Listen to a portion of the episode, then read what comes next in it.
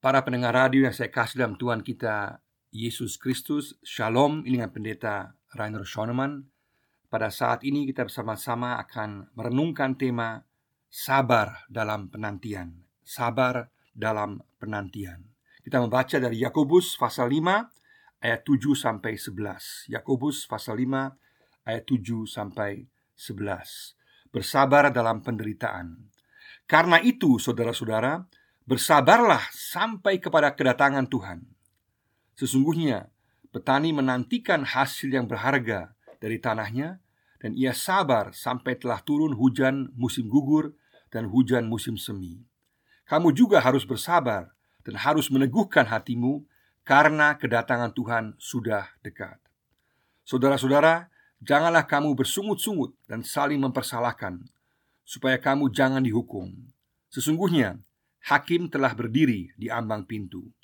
Saudara-saudara, turutilah teladan penderitaan dan kesabaran para nabi yang telah berbicara demi nama Tuhan.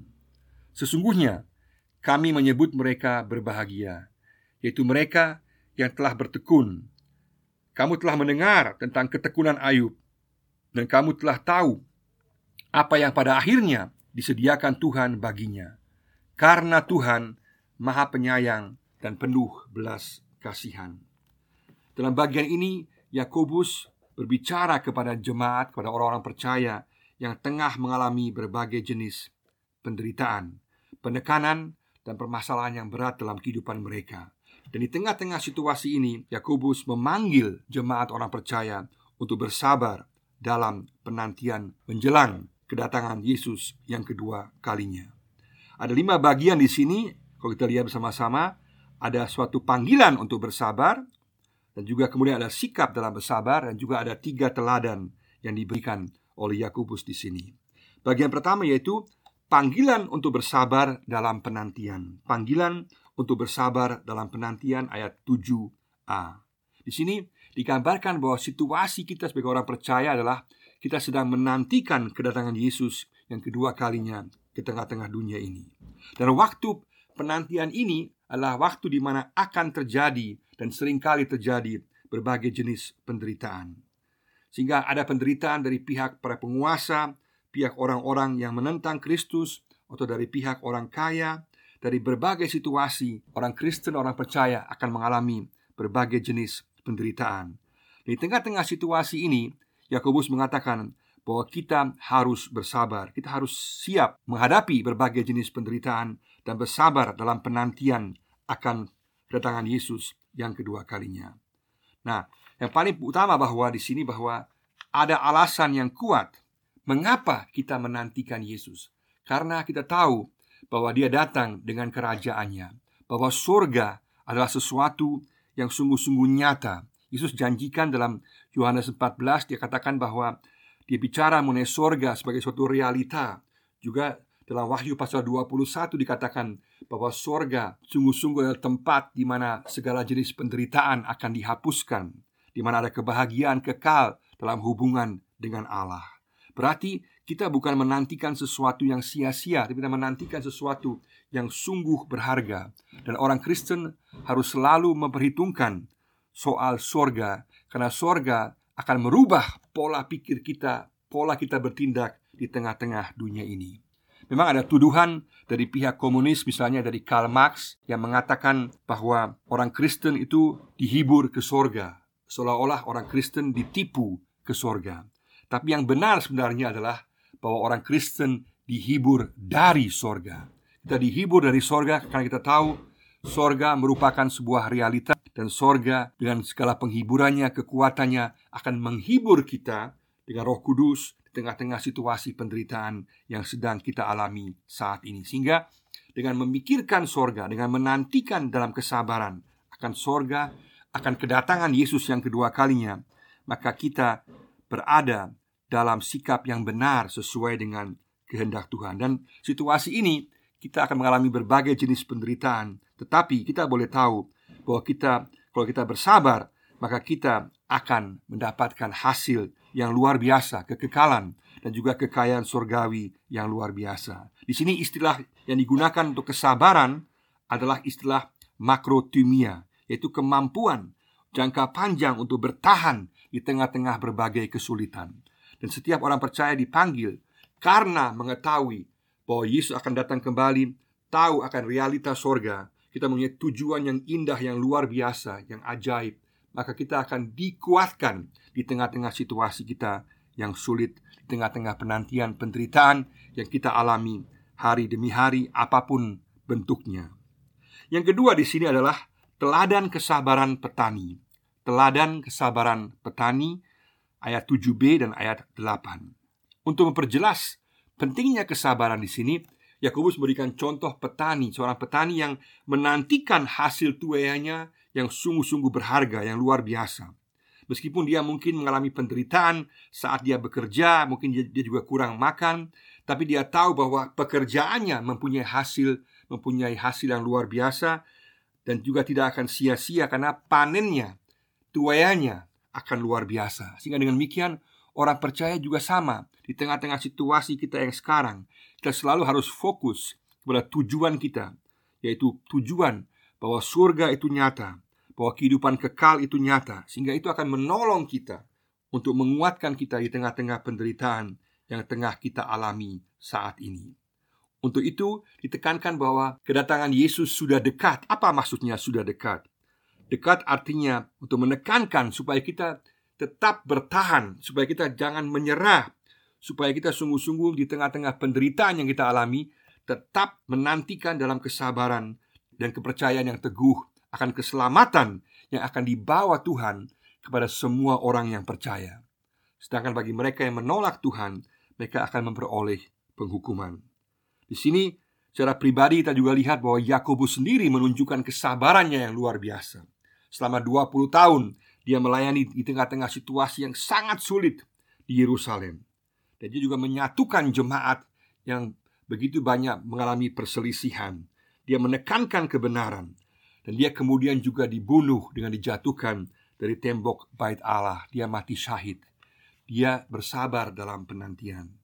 Dan ini juga penting untuk kita pada masa sekarang. Kita perlu tahu bahwa kita bukan menantikan sesuatu yang sia-sia. Kita menantikan sesuatu yang luar biasa, yaitu janji kedatangan Yesus yang kedua kalinya dengan surga, dengan langit dan bumi yang baru, yang lepas daripada penderitaan, dan itu merupakan tujuan akhir kita persekutuan kekal dengan Allah. Itu akan menguatkan kita di tengah-tengah situasi kita yang sulit saat ini. Yang ketiga secara singkat yaitu sikap dalam penantian. Sikap dalam penantian ayat 9.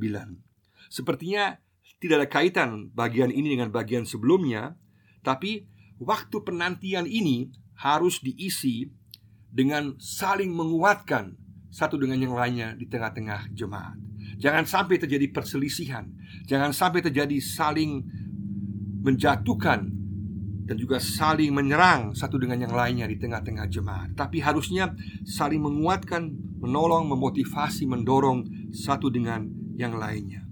Karena dalam jemaat tidak ada seorang pun yang mempunyai hak untuk menghakimi orang lain. Sangat penting bahwa situasi, sikap dalam penantian ini adalah sikap yang positif adalah harusnya sungguh-sungguh saling menguatkan, saling menolong satu dengan yang lainnya sehingga dapat menghadapi penderitaan, kesulitan. Sehingga kita juga selalu saling mengingatkan akan tujuan akhir yang indah yang Tuhan telah sediakan bagi kita sekaligus supaya kita tetap bertahan dan tetap bersabar di tengah-tengah segala pergumulan yang sulit yang sedang kita hadapi. Yang keempat di sini adalah teladan kesabaran para nabi. Teladan kesabaran para nabi. Ayat 10. Di sini Yakobus menguatkan jemaat Tuhan di tengah-tengah situasi yang sulit dengan memberikan contoh bahwa para nabi yang sungguh-sungguh menjalankan kehendak Tuhan pun yang mereka yang sungguh-sungguh dengan suatu kesungguhan yang luar biasa menyatakan firman Tuhan mereka pun mengalami penderitaan, mereka pun mengalami kesulitan yang luar biasa, tetapi mereka tetap bertahan, mereka tetap setia, mereka tetap sabar dalam menjalankan tugas mereka. Dengan demikian juga sama, waktu penantian ini bukan saja kita isi dengan saling menguatkan satu dengan yang lainnya di tengah-tengah jemaat, memotivasi di tengah-tengah situasi yang sulit, itu sekaligus juga harus diisi secara positif dengan sungguh-sungguh berkarya bagi Tuhan, melayani Tuhan. Sesuai juga dengan Matius pasal 25, kita melayani Tuhan di tengah-tengah waktu penantian.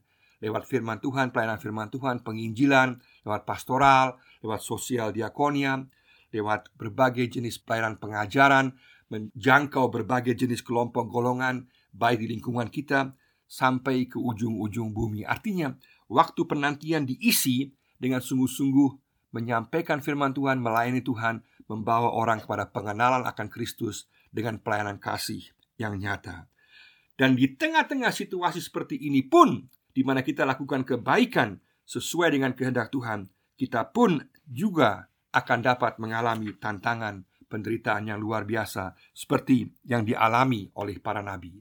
Tapi mereka disebut sebagai berbahagia karena mereka melakukan kebenaran Tuhan, mereka melakukan kehendak Tuhan. Dan kita pun juga sama dalam sikap penantian kita saat kita melayani Tuhan di tengah-tengah situasi yang sulit, maka Tuhan juga menjanjikan bahwa kitalah orang-orang yang berbahagia, yang sesuai dengan kehendak Tuhan, yang akan diterima oleh Tuhan. Dan juga ada janji Tuhan di tengah-tengah penderitaan, juga ada pemeliharaan Tuhan, ada kepedulian Tuhan, ada pertolongan Tuhan di tengah-tengah situasi yang kita hadapi. Kita lihat Berbagai nabi juga dapat pertolongan Tuhan yang luar biasa seperti Elia, Daniel, Yeremia, Yeskel dan lain-lain. Mereka mendapatkan pertolongan yang luar biasa. Meskipun kita juga tahu siapa yang melakukan kebenaran juga dapat mengalami tantangan yang terbesar. Yesus sendiri pun yang melakukan kebenaran, mengatakan kebenaran, akhirnya disalibkan. Tetapi Tuhan menjanjikan bahwa Dia akan memelihara, Dia akan menguatkan kita, menyertai kita di tengah-tengah situasi penderitaan yang sulit.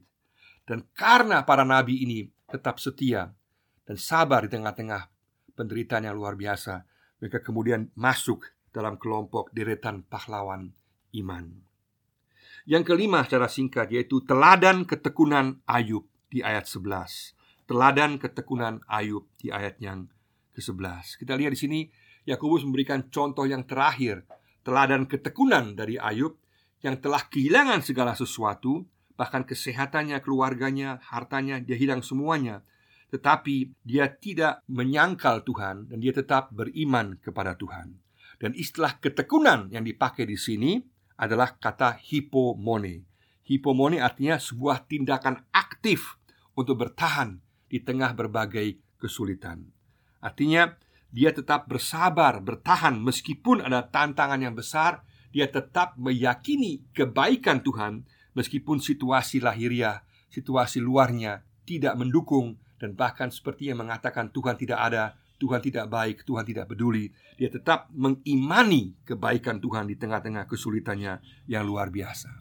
Dan Yakobus ingin tekankan bahwa semua orang percaya untuk menuju kedewasaan iman, kedewasaan rohani akan mengalami berbagai ujian. Tuhan menguji kita dengan tujuan supaya memurnikan iman kita, supaya kita semakin dewasa dalam iman kita. Karena Allah digambarkan sebagai Allah yang sungguh-sungguh maha penyayang dan penuh belas kasihan. Dia akan menghadiahi kita. Dia akan memberikan kepada kita upah yang luar biasa di sorga. Dia juga akan memberikan kepada kita pertolongan di tengah-tengah kehidupan dunia saat ini. Tuhan tidak akan membiarkan orang-orang kekasihnya tinggal dalam kesulitan, tapi Dia akan menopang, menolong, menghibur, menguatkan dan juga puncaknya menghadiahi mereka dengan kehidupan kekal di sorga. Luar biasa. Dengan demikian, Ayub menjadi contoh ketekunan. Dia kemudian ditolong oleh Tuhan secara luar biasa. Dia mengalami kebaikan Tuhan yang luar biasa sehingga penantiannya tidak sia-sia karena dia tidak meninggalkan Allah. Di tengah-tengah situasi di mana kita mengalami tekanan, penderitaan, Iblis akan berusaha untuk menjatuhkan kita, untuk mengatakan Tuhan tidak ada, Tuhan tidak peduli, Tuhan tidak sungguh-sungguh perhatikan kita. Tapi kita harus tetap bertahan melawan pencobaan iblis dan mengatakan bahwa kita tetap yakin akan kebaikan dan janji Tuhan. Tuhan ingin supaya kita memiliki sebuah iman yang murni, bukan iman kontrakan. Iman kontrakan misalnya kita hanya percaya kalau Tuhan buat sesuatu. Itu namanya iman kontrakan. Tuhan mau kita mempunyai iman yang dimensinya jauh lebih tinggi Dimensi yang murni, itu dimensi kita percaya meskipun secara manusiawi kelihatannya Tuhan tidak peduli kita mengalami kesulitan dan penderitaan. Kita yakin bahwa Tuhan tetap baik. Tuhan punya tujuan yang baik. Mari sama-sama kita pada hari ini kita sungguh-sungguh belajar dari pengajaran Yakobus ini untuk bersabar dalam penantian. Kita bersabar karena tujuan kita indah, karena sorga itu nyata, karena kedatangan Yesus itu nyata dengan langit dan bumi yang baru. Kita menuju sesuatu yang sangat nyata, pengharapan yang kuat. Kita dihibur dari sorga dengan fakta adanya sorga bagi kita, sehingga menguatkan kita di tengah-tengah situasi penderitaan kita saat ini.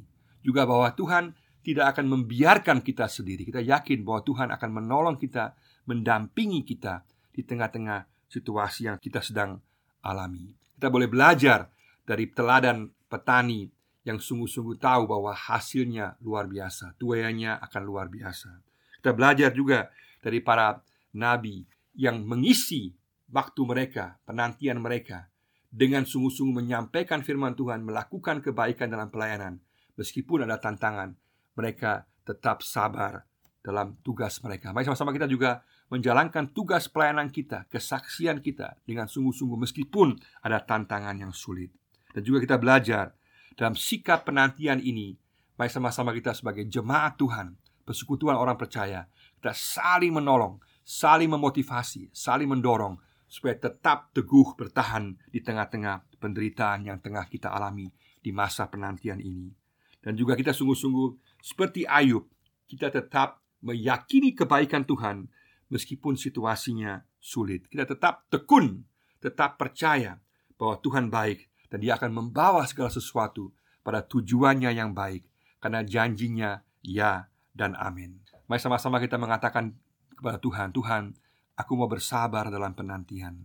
Berikan aku kesabaran, berikan aku ketekunan untuk tetap melayani Tuhan, tetap percaya pada Tuhan dalam segala situasi kehidupan saya saat ini. Engkau akan menjawab pergumulan saya. Engkau akan menolong saya di tengah-tengah situasi yang sedang saya alami. Dan pada akhirnya, Engkau akan membawa saya pada tujuan yang indah, yang luar biasa, hidup kekal di sorga bersama dengan Engkau. Terima kasih Tuhan Yesus. Katakan, aku mau bertekun, aku mau bersabar dalam penantian, menantikan kedatangan Yesus dan sorga yang pasti menjadi upah, menjadi milik kita kekal selama-lamanya. Tuhan memberkati kita semua. Amin.